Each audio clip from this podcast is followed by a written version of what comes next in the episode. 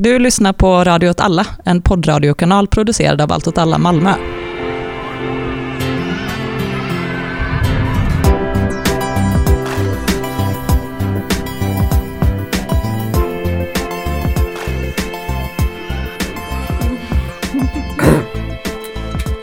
Hej och välkomna till Radio åt alla. Dagens avsnitt är ett specialavsnitt som ska handla om när vänstern gick i säng med klimatrörelsen. De som är med i podden idag är jag, Adam, Ja, Hanna. från Allt åt alla Göteborg. Ehm, Lisa från Klimaträttviserörelsen. Och Tove, också från Klimaträttviserörelsen. Ja, och vi gör ju det här avsnittet tillsammans eftersom att nu är det eh, höst, som ni alla vet. Och eh, på hösten så är det ju eh, när man sysslar mycket med så här gatupolitik och sånt så brukar det bli lite eh, lägre aktivitet eh, eftersom att det är kallt.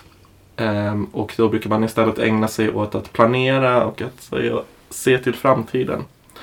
Och det är ju faktiskt vad vi har gjort ehm, ja, men förutom att ehm, det är faktiskt en grej som händer som vi ska säga. Och det är att nästa vecka så, det vill säga, vad är det för datum? Börjar Slutet på november. 27 till 29 november. Då är det vinterändegelände. Då man istället för att eh, grillas i ett tyskt dagbrott ska frysas ner i ett tyskt dagbrott. eh, I en dag eller så. Men i alla fall, det är så att vi har varit på lite sådana här planeringsgrejer ihop. Det var dels att vi åkte till Climate Justice, Ac- Climate Justice Action Networks eh, vad ska man kalla det? Konferens. Eller Mm. sammankomst. Ja, i Bratislava. Ehm, ni, Lisa och Tove har varit på, på vad heter konferensen? Eh, Political Ecologies of the Far Right i Lund förra veckan. Och sen var jag en medlem från Allt åt alla Göteborg med på ett panelsamtal förra veckan. Um, så vi tänkte väl att vi skulle ha lite samlade upplevelser, alltså samla våra upplevelser och lite spaningar idag. Ja, men jag tänkte att vi kanske skulle börja med en lite längre presentationsrunda och prata lite om hur eh, det kommer sig att man valde sig att engagera sig i klimaträttviserörelsen och eh, kanske var intresset kom ifrån från första början. Hanna, vill du börja? Mm. Eh, jag är ju... Jag har typ alltid varit intresserad av eh, klimatet och miljön och det var egentligen hela min eh, ingång till att bli vänster överhuvudtaget. Och min... Det var så här, jag började läsa skoluppgifter och så var det så här, åh det går åt helvete med miljön. Vad kan man göra åt det? Och sen så kom jag på att ah, man kan ju göra revolution. Och sen blev jag vänster. Ehm, men sen har det liksom eh, inte varit så hett att vara engagerad i klimat eller miljöfrågor i, i autonoma vänstern. Så jag har bara väntat på det här tillfället. Eh, när vinden har vänt så bara hoppade jag på tåget vid första eh, tillfälle som gavs. Men vad tänker du att eh, det som har hänt? Mm, det som har hänt är en gelände. Eh, folk fick klä ut sig i vita eh, dräkter och åka till Tyskland. Den här perfekta blandningen av semester och aktivism blandat med att få skrika antikapitalistiska slagord och vara i en gruva. Ja, men jag kan ju säga att jag har både samma och eh, exakt motsatt inställning till eller ingång till eh, klimaträttvisa som Hanna har. Det vill säga att jag blev eh, jag blev kommunist och sen blev jag intresserad av klimat, Eh, klimaträttvis och klimatförändringar och sånt. Men eh, länge så tänkte jag att det var en väldigt viktig fråga typ. Men att det inte riktigt fanns så mycket man kunde göra. För att det enda som jag såg var Miljöpartiet och eh, klimatterrorism. Det var de två saker som fanns. Och sen när NDG Länder kom så var det också en sån, jag tyckte det kändes väldigt coolt och bra för att det var liksom så här att aha, det här är någonting jag är bekant med. Typ. Tove? Eh, en fråga bara eh, på det du sa. Vad menar du exakt med klimatterrorism? Alltså jag kan väl svara lite på, eller jag tror att Adam menar här, eh, men att eh, så här, bryta sig in på eh, skyddsobjekt, alltså att vara så här mm, väldigt hög risk, vara en liten grupp. Ja, alltså jag tyckte inte att det var fel med klimatterrorism. Så, utan det var någonting jag kände att jag inte kunde syssla med riktigt. Lisa och Tove, vill ni prata lite om vem av er vill börja? Lisa? Eh, ja men för mig var ju, det är ju roligt det här med Andy hur mycket det har påverkat. Eh, för mig är det ju samma sak, så här, ja men började läsa på om klimaträttvisa rättvisa och liksom så här allt skit i världen och bara fan jag måste engagera mig. Och så bara blev det som att en kompis skulle på en Glände liksom 2015 och vi, jag bara okej, okay, visst, jag hänger på. och sen så har det bara rullat sen dess. Liksom. Det, ja, det har varit en väldigt eh, stor inspirationskälla för mig. Just Endiglände och den typen av aktivism. Civil olydnad i stor skala. Mm. Um, jag kan inte riktigt pinpointa exakt hur jag skulle säga att jag kom in i klimaträttviserörelsen. Men jag känner också att jag är, ganska, jag är lite svårt ibland också att placera mig för jag känner mig också som, ändå som del av olika rörelser. Um, men det är väl miljö och klimatfrågor har jag ändå alltid varit intresserad av. Och just också den här tidsaspekten, att det är verkligen så himla lite tid som är kvar, har kanske påverkat mig. Ehm, men också att frågan förenar ganska många olika eh, kampar. Ehm, så jag är väl med i olika grupper också typ, på, universitetet och jag var oftast väldigt frustrerad på bara typ, amen, hålla föreläsningar eller studiecirklar eller sånt. Eh, så jag var väl också inspirerad av mer radikala aktioner som En länder. Som verkligen går till, eh, till de platser ehm, som kolgruvor där det sker eh, och blockerar liksom. Um, ja, vi använder ju begreppet klimaträttvisa och vi försöker väl vara eh, konsekventa med det, i alla fall i den här podden.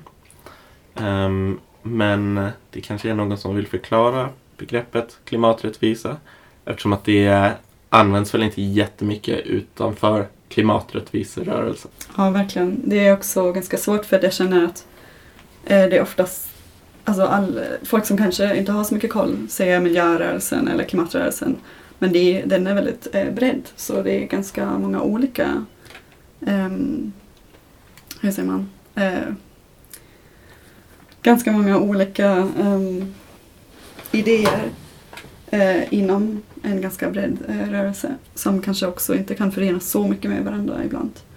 Men jag tänker klimaträttvisebegreppet kommer ju egentligen från miljörättvisa i USA. Ni får jättegärna eh, hoppa in och, eller hjälpas åt. Um, där jag tror, ja men någon gång var det typ 70-80-talet eller så. Att det dumpades ganska mycket som miljöavfall ehm, um, just, liksom, just på platser där det bodde väldigt mycket minoriteter eller fattiga personer. Um, och då formades också det begreppet som är typ, um, environmental racism, alltså miljörasism. Om man kan översätta så. Uh, och sen är väl klimaträttvisa mer med fokus på klimatfrågan. Um, men en grej som är väldigt, um, alltså, uh, väldigt, för att säga det kort så är det ju så att just liksom inom klimatfrågan är det så som de som orsakar klimatförändringar eh, drabbas ju minst av det. Eh, och det är oftast ja, men, rika länder, eh, privilegierade vita personer ehm, och ehm, de som drabbas ofta i globala syd eller fattigare. Eh, så det är väldigt mycket orättvisa så i det där. Och det alltså klimatfrågan manifesterar ganska mycket orättvisa och förtryck som finns i vår värld. Så det kan, det kan bli ganska synligt genom den frågan, vad som går fel. Det som drabbas hårdast är ju fattiga kvinnor och barn. Oftast får, ja, Det är ju verkligen en klassfråga också, klimaträttvisa. Ja, jag tänker alltså inte bara i termerna om liksom globala förändringar utan även att alltså det handlar ju även om ehm, alltså om klassen i det egna landet för att de rika kan alltid köpa sig fria mer eller mindre typ eller bygga bra hus. Men det kan ju inte de fattiga. Um, jag personligen visste inte riktigt den här historiska bakgrunden som var väldigt bra tycker jag. Utan jag har mest använt det ordet för att um, de, de jag tycker verkar vara smarta använder det ordet. Ehm, så, Inspirerande. Bryt! Bryt! Klipp! Jag tänker väl för att sammanfatta det kort så om man vill skilja liksom klimaträttvisa från miljörörelsen eller klimaträttviserörelsen från miljörörelsen så är det som att klimaträttviserörelsen fokuserar på social rättvisa men också miljöförstöring och inte bara på miljöförstöring. Det känns som eh, det är det här med, eller jag tänkte på det här med Endigelände-grejen som ändå har varit viktig för alla oss fyra i det här rummet. Um, dels att vi har det här perspektivet att klimatfrågan inte bara är en eh, inte är en fråga som går att separera ifrån klass eller sådana rättviserörelser. Men också typ att vi verkar eh, ha hittat en praktik som eh, makes sense för oss alla. Ja, men som också funkar, alltså uppenbarligen funkar ju Endigelände väldigt bra ur ett eh, propagandaperspektiv också. Så att man ser att det är eh, Alltså det är så många så att man förstår att det kan inte bara vara proffsdemonstranter där.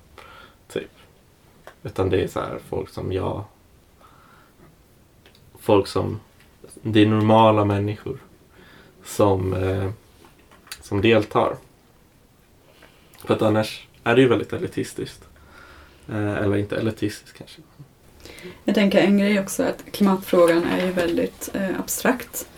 Alltså det är väldigt svårt att fatta i sin vardag vad som händer.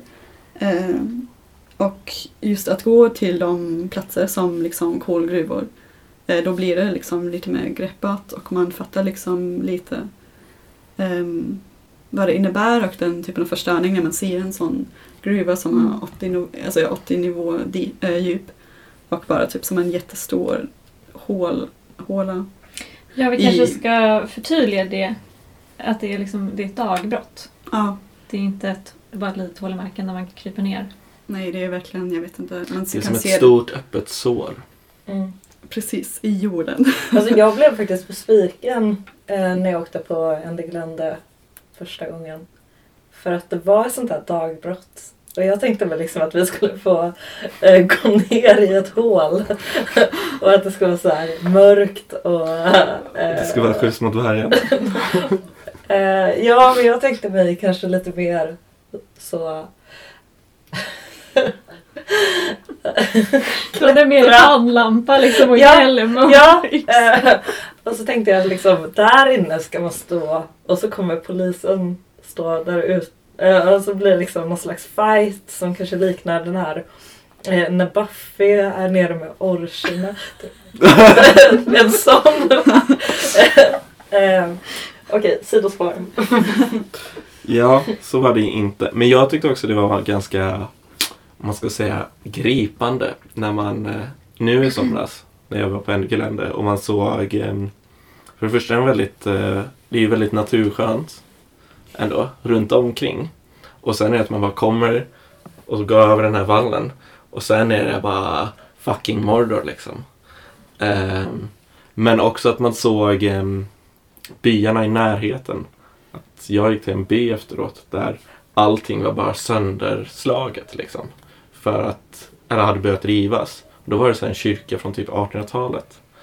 Um, ehm, och då hade RWE, det vill säga det företaget som äger gruvan, de hade exproprierat den marken för att dagbrottet skulle eh, vad heter det, expandera. Eh, och det liksom visar ju ganska på, på ett ganska konkret sätt hur de här, hur fossilkapitalismen liksom eh, griper in och förstör vår eh, kultur, vår, vår kulturarv typ. På ett sorgligt sätt. Jag håller helt med. Jag tycker verkligen att, eh, åtminstone miljöförstöringsmässigt, fast alltså, om man tänker på, på själva dagbrottet så fattar man verkligen hur sjukt det är och hur dystopiskt eh, det är. Och sen just också den aspekten när man ser att folk är tvungna att att liksom flytta från sina hem och se sådana tomma spökbyar där allt är förstört. Men de är ju smarta också. De köper ju en bit land i taget och säger nej, nej, nej, men ni där borta, ni klarar er, det är lugnt. Vi ska bara köpa upp de här gårdarna. Och så är det liksom, eh, bryter de ner mot det lokala motståndet liksom till, men så länge vi här borta klarar oss, då behöver inte vi ta strid nu. Så Mm. kommer liksom striden hela tiden lite närmare. Det blir också väldigt synligt hur mycket makt eh, vissa företag har och vilka intressen som störtas och får liksom gehör och får liksom igenom sin vilja. Och vilka saker, vilka andra som blir liksom som inte syns, som blir förtryckta och som tvingas att flytta. Ja, det här var ju eh, väldigt deprimerande. Lite mycket Anne-Glenda. Ehm, men ehm, ska vi kanske försöka blicka lite framåt? Eller blicka bakåt och använda det för att blicka framåt. Det vill säga, eh, vi har ju sagt att vi har varit på de här grejerna, men vi har inte riktigt förklarat vad det är. Eller Hanna, vill du beskriva Bratislava-grejen? Mm. Eh, vi åkte på Climate Justice Action Networks eh, lilla meet and greet i Bratislava. Eh, det var ett möte mellan, eh, för organisationer eh, i hela Europa. Det var folk ifrån både Centraleuropa, ett gäng från Sverige och sen Östeuropa, jag tror Ukraina. Några från Sydeuropa. och några från Sydeuropa. Så det var bra spridning på folk och många olika sorters grupper representerade. Från liksom XR till superhemliga grupper. Um, till då vi då, Allt åt alla. Um, och temat på konferensen kändes som att det var lite det här med miljörörelsen växer. Hur hanterar man det? Hur förvaltar man det? Um, eller klimat och rättviserörelsen. Sen så var formen att det var um, konsensus. Eh, så det var liksom, och inga beslut som fattades. Eller det var mer bara att man träffades och utbytte erfarenheter och sånt. Och det gjorde man genom att sitta i smågruppsdiskussioner på lite olika sätt. Vi fick lära oss um, vad en fishbowl var för någonting.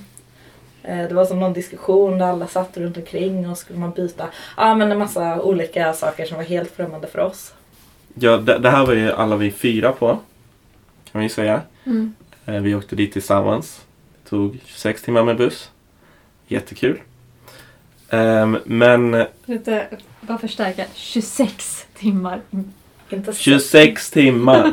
26 timmar. En väg.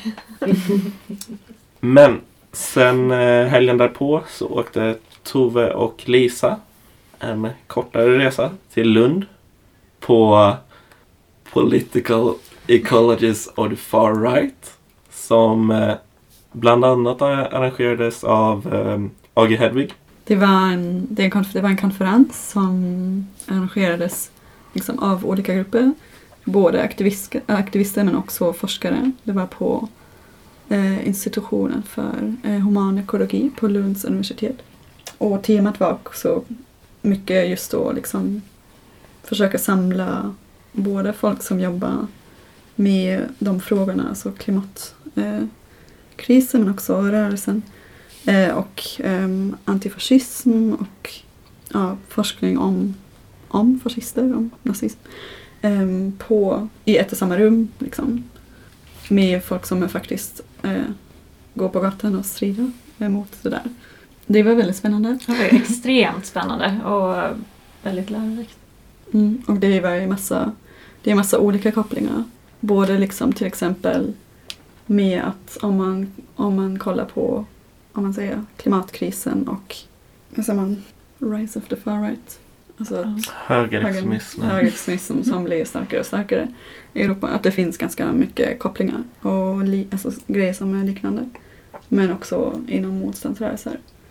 Um, att det är oftast ja, men samma, det är samma. många saker som, som liknar sig. Men det finns också en hel del skillnader. Um, men det var även, även mycket om till exempel um, hur om, alltså, en utmaning för till exempel klimaträttviserörelsen och eh, antifascistisk, rö, antifascistiska rörelsen. Um, att uh, inte, inte låta liksom extremhögern um, ta över klimat och miljöfrågor Mm. uh, och göra det liksom till någon slags uh, fascistisk uh, miljö. Vi kunde ju tyvärr inte vara med på den här konferensen eftersom att vi var tvungna att stötta vår kamrat som skulle delta på ett panelsamtal på Ung Vänsters Klimathelg. ja, de hade någon sorts utbildning. Och där var det eh, vilka, det var några från Ung Vänster, Fridays for Future, and Glenda Sweden. Extinction Rebellion, var Ja, men, men det var ju också lite så här att ehm, Ung Vänster Göteborg då hade haft den här, eh, av sig själva haft den här tanken om att dra samman vänstern och ehm, klimatrörelsen. Det var väl också lärorikt på många sätt. Ja, men um, ska vi ha en lite så här samlad bedömning om vad vi tyckte var vad som var hiss och vad som var diss?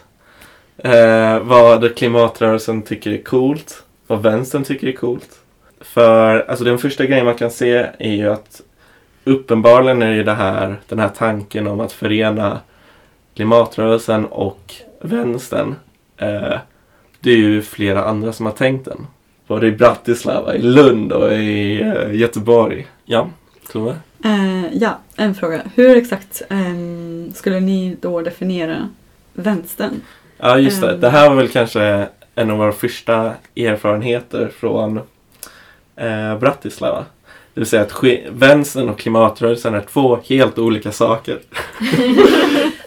kanske inte så mycket när det kommer till typ ideologi eller eh, och vad man tror på. Liksom och vad man kämpar för. Men i metod. Mm. I vänstern tycker vi... I vänstern är det nästan bara majoritetsbeslut som gäller. Men sen är det också...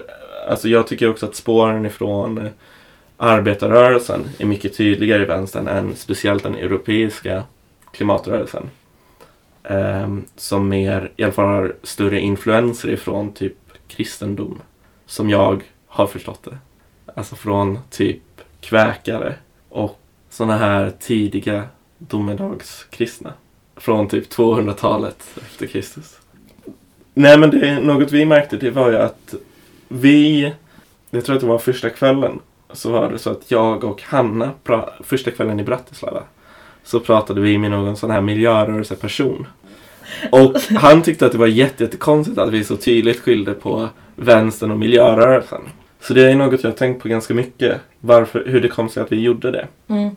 Och det är ju dels att vi är dryga. Och är så här, eh, nej men att det finns typ eh, eh det som jag pratade om i min inledning. Det här med att det har varit så himla negativa attityder eh, inom vänstern mot eh, att hålla på med någonting som rör eh, miljö. Ehm, på, ja, men antagligen på grund av att eh, det var en massa hippies eh, på typ 70-talet som Mm, flyttade iväg och folk blev arga på dem. Mm, för att de odlade potatis istället för att vara med i partiet. Um, alltså det, är min, det är min gissning men det har liksom hängt med. Och det är ju ett återkommande problem med att folk um, har såna här idealistiska bilder av att individen ska genom sitt liv uh, och hur den lever det uh, liksom så här, förändra världen på det sättet. Och, så det, det är dels den grejen. Uh, men sen är det ju liksom någonting som vi verkligen erfor i Bratislava var ju hur annorlunda man jobbar. Och hur annorlunda man har möten och pratar och så. Ja, vi kan kanske bara börja med att säga hur mötet var strukturerat. Alltså om vi börjar med hur Allt åt alla, förbundet Allt åt allas kongress som var eh, tidigare i höstas. Eh, hur den eh, var strukturerad. Där var det ju så att det var det är liksom ett bord längst fram och där sitter ehm, ordförande och sekreterare och sånt. Och sen är det stolar på rad som liksom sitter, ehm, sitter och tittar på dem. Här var det ju så att i Bratislava då, då var det en ring, en stor ring som alla satt omkring. Och det fanns inga ordförande utan en facilitator. Och jag tror inte sekreterare hette sekreterare heller. Utan bara någon som skrev typ. Och först tänker man ju, det här är bara en symbolisk skillnad. De bara använder olika ord för samma saker. Men, så är det inte alls det. Ord betyder saker. Nej men de, de skiljer sig faktiskt åt lite. På spännande sätt. Jag tror att det är både en svaghet och en styrka. Mm. Jo men vi brukar ju liksom vara mupparna. I, I vanliga fall så brukar ju allt åt alla vara de som kanske använder lite överdemokratiska metoder enligt andra i våra samarbeten.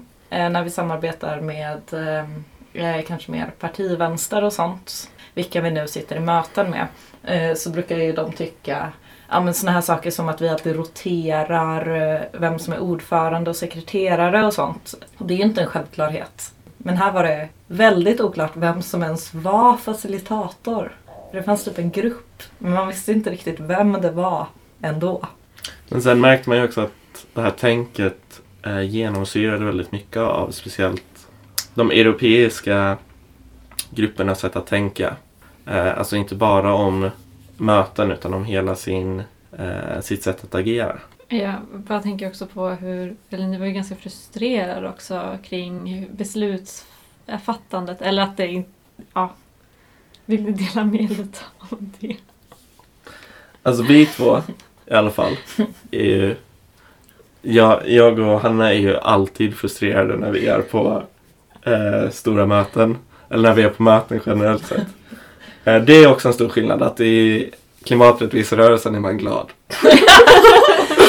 Vi kan inte bara lägga in det som parentes, det här är ju, eh, mitt- det här är ju vårt största case. Ja, Eh, nej, nej men precis. Eh, vi var lite frustrerade. Ehm, ja, men dels för att eh, saker och ting, som att jag inte förstod vem som var ordförande. Det är väldigt svårt att få typ um, facilitatorns uppmärksamhet om man inte vet vem den är.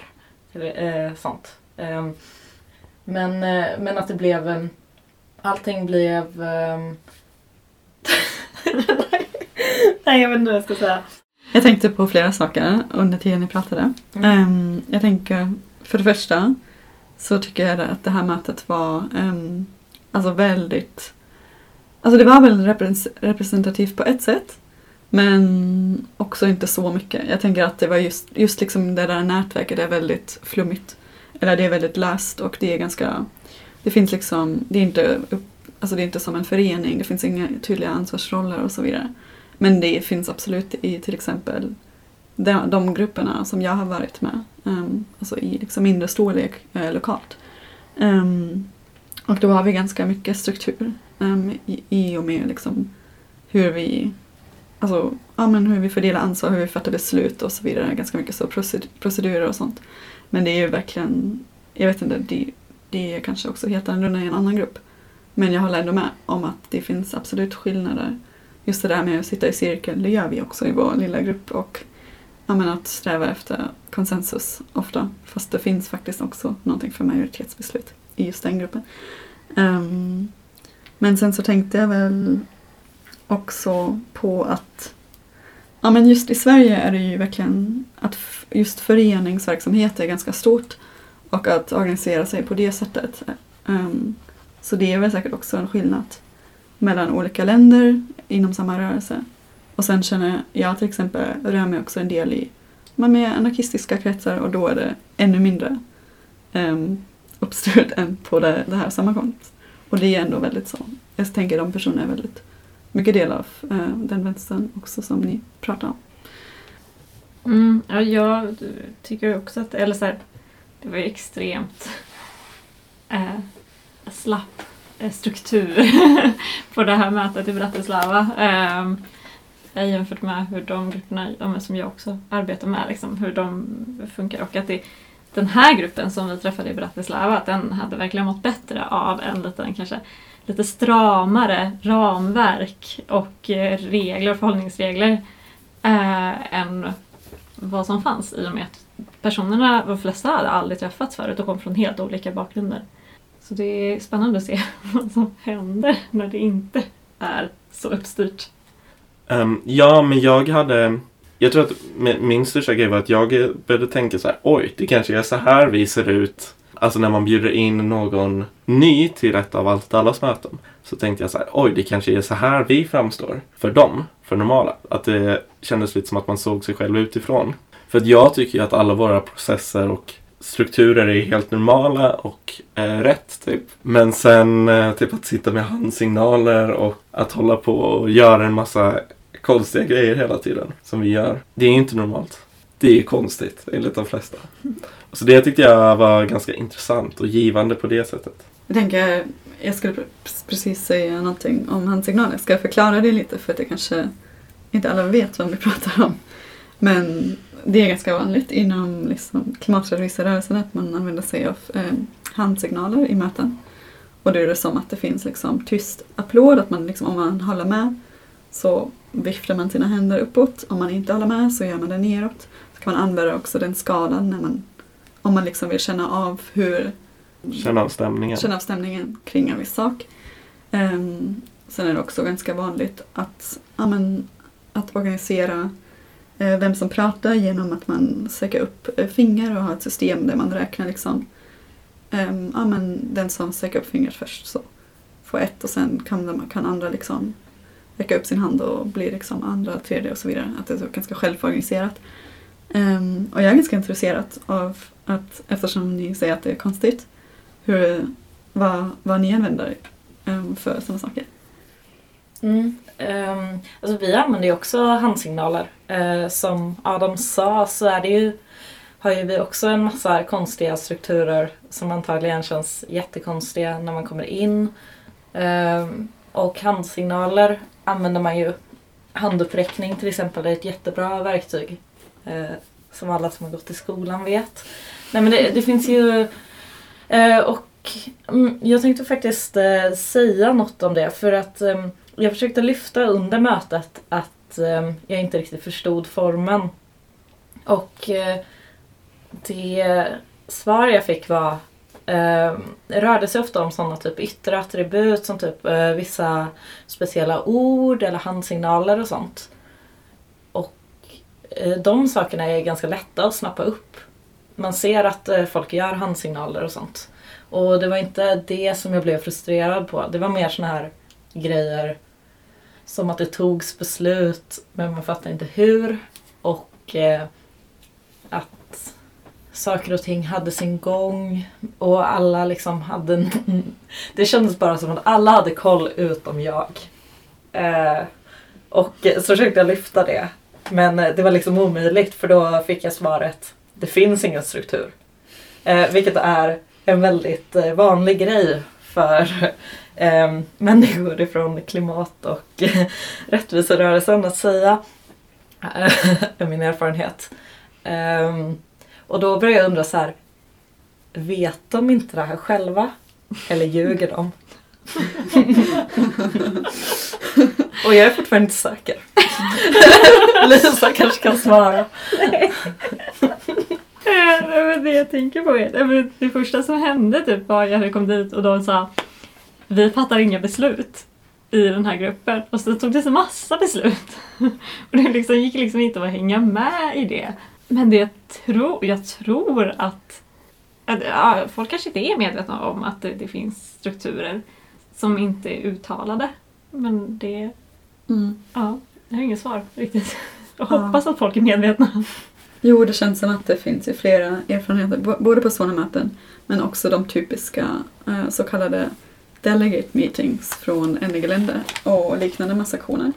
Eh, som tror jag försöker sträva efter just att men vara så tillgängligt och demokratiskt som möjligt men egentligen kanske inte lyckas med det, all, inte lyckas med det för att det blir för det ändå finns vissa som har mer um, makt inom den organiseringen också och vissa som vet mer, um, att, det liksom, no, att det finns någon viss liksom, uh, vissa förutsättningar. Um, och att sen system, alltså systemet att fatta beslut på det sättet inte funkar för att det finns sådana ja, men, outtalade strukturer. Um, vilket sen leder till kanske frustration eller inga beslut eller väldigt ja, men, konstigt eh, beslut som har fattats på ett väldigt konstigt sätt. Um, så jag håller med att det är väldigt viktigt att ha en struktur um, för just sådana grejer och att just att ha en struktur som uh, där det kanske är uttalat att uh, lite mer liksom uh, är ännu mer typ platt och demokratiskt än att hamna i sånt som vi just beskrev. Mm, för på det här mötet fanns det ju en erfarenhetshierarki. Kan man säga det? Ja, men jag har också mm. tänkt på det att jag tror att det är någonting med det här Alltså det är egentligen fel att säga konsensus-tänk eftersom att de tar inga beslut så det finns ingen konsensus. Men så här, andan av konsensus. Som att, alltså jag tror att det är psykiskt bra ändå att vara så här, nu tar vi ett beslut om det här, nu går vi vidare. För det var ju så att de sa, vi fattar inga beslut. Men sen uppenbarligen fattades det beslut, som Lisa sa. Um, men man hängde inte riktigt med. När? Ja, jag tycker också det är, det är ganska viktigt och, och faktiskt fatta beslut och också att det är som också ni, eller som jag har hört av er, att, att man kan acceptera att vi kanske inte kommer till, att vi inte kommer alla till exakt samma slutsats och att det kommer, att det är, alltså vissa tycker liksom olika och det är också okej. Okay. Och då tycker jag också okej okay att man inser det och inte strävar efter att nej vi måste liksom vattna ur det tills den punkten där vi alla är typ okej okay med det. Um, och sen blir det väldigt svagt eller man kommer liksom inte någon vart än att liksom göra det med, i mindre grupper istället och fatta beslut och faktiskt komma vidare.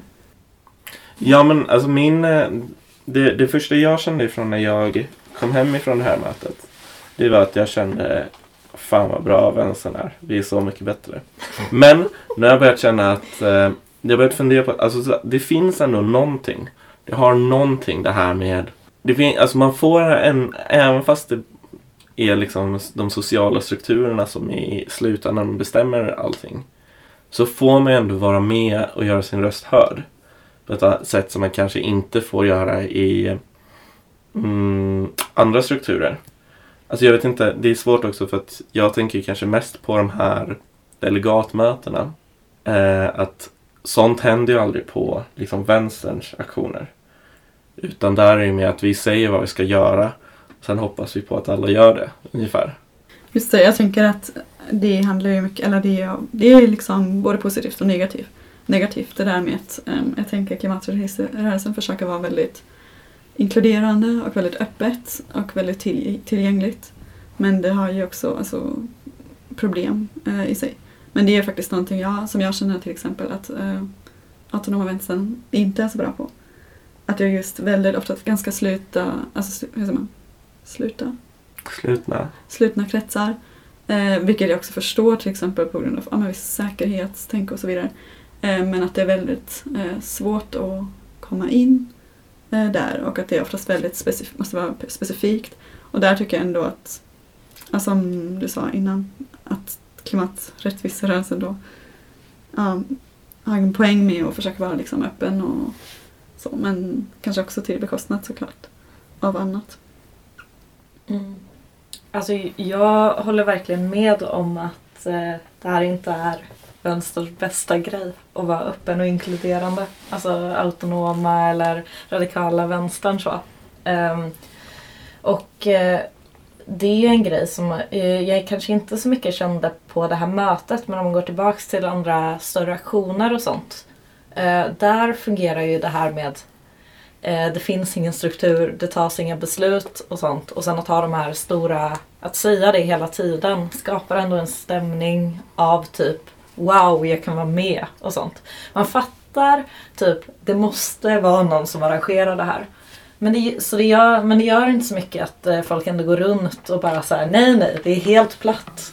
Eh, det skapar ändå en härlig stämning. Jag tycker ändå det. um, det är hygge. Ja, men det är lite mys. Man myser runt i det. Ehm, och ehm, alltså jag, jag tror att det finns någonting man kan bygga på där i det här med att typ växla ganska snabbt mellan, alltså att se när det behövs en liten sluten eh, struktur, när man kan vara jätteöppen och att typ växla mot dem snyggare och bättre eh, än vad både miljö eller klimaträttvis-rörelsen eh, och autonoma miljön gör. Ehm, två saker. Det ena är att jag tycker just det där mötet var ju katastrofa, alltså katastrof i det. Och jag skulle jättegärna vilja att ni skulle uppleva något bättre inom samma rörelse som är, som är också representativt. För att jag tänker också det är lite svårt att eh, jämföra liksom ett sånt löst sammankomst där verkligen alla kan dyka upp med typ, ja men ett ganska typ, ett, till exempel ett förbund som ni hade lokalt. Eller typ nation, alltså på nationell nivå. Um, för att det är verkligen skillnad. Jag vet inte vad som hade varit liksom liknande, ja men någon, någon slags europeisk sammankomst av Tänk om vi hade en international alltså. ni, ni pratade ju om någon konferens eller grej i Stockholm någon gång där typ massa italienare kom. oj! Så jag kanske, Eh, så kanske Ja. det är lite mer jämförbart med det mötet vi var på. Ska jag hoppa emellan? Nej, men jag tänkte prata om konsensus. Konsensus har fattat beslut liksom, i en sån här grupp och att alltid vara överens, vilket jag vet att ni också reagerade ganska starkt på. Vad fan, bråka för tusan! Det är okej. Um, och hur det kan vara väldigt problematiskt. Och vilket jag har känt på senare år, att det speciellt också i aktioner, typ. Eller större så aktionsgrupper, att det ska vara så himla konsensusbaserat alltihopa. Mm, det kan verkligen leda till frustration för att till slut är det kanske så att ingen är riktigt nöjd med det. Men jag tänkte, nu kom jag på det jag ville säga innan. Och jag tänkte att till exempel klimaträttviserörelsen som den är nu i ja, men Sverige och Europa är ju ganska ung. Eller har inte så mycket tradition som till exempel autonoma vänster. Mm. Och jag tänker att där, det, det är ganska mycket anledning för, alltså för att vissa saker är sådär och sådär och sådär. Och det är också som att jag tänker, det är en blandning av folk som har kanske varit engagerat i andra rörelser, eh, som tar med sig något därifrån, men också folk som är, har inte varit politiskt engagerat någonting innan. Och så blir det väldigt, och en väldigt stor blandning eh, och väldigt eh, lite ja, men etablerade strukturer eller strukturer eller typ traditioner kring hur man gör saker. Ja, men jag förstod ju väldigt tidigt att det här kanske inte var det bästa av möten. Men det var ändå, eh, alltså det var väldigt lärorikt. Men jag tyckte också det var, jag blev nästan lite glad när jag insåg att det finns faktiskt konflikter här också. Det är bara det att de inte är lika, de i miljörörelsen, de är inte lika, vad heter det, bråkglada som vi i vänstern. Men det är också lite, eh, alltså båda de sakerna är ju väldigt dubbeläggade svärd. För jag tycker å ena sidan att det är bra att man kan ha en jättehetsk diskussion och sen bara lägga undan det och gå ut. Eh, och så är man klar. Men det leder ju också till saker som splittringar och återsplittringar. Liksom. Jag vet inte hur många internationella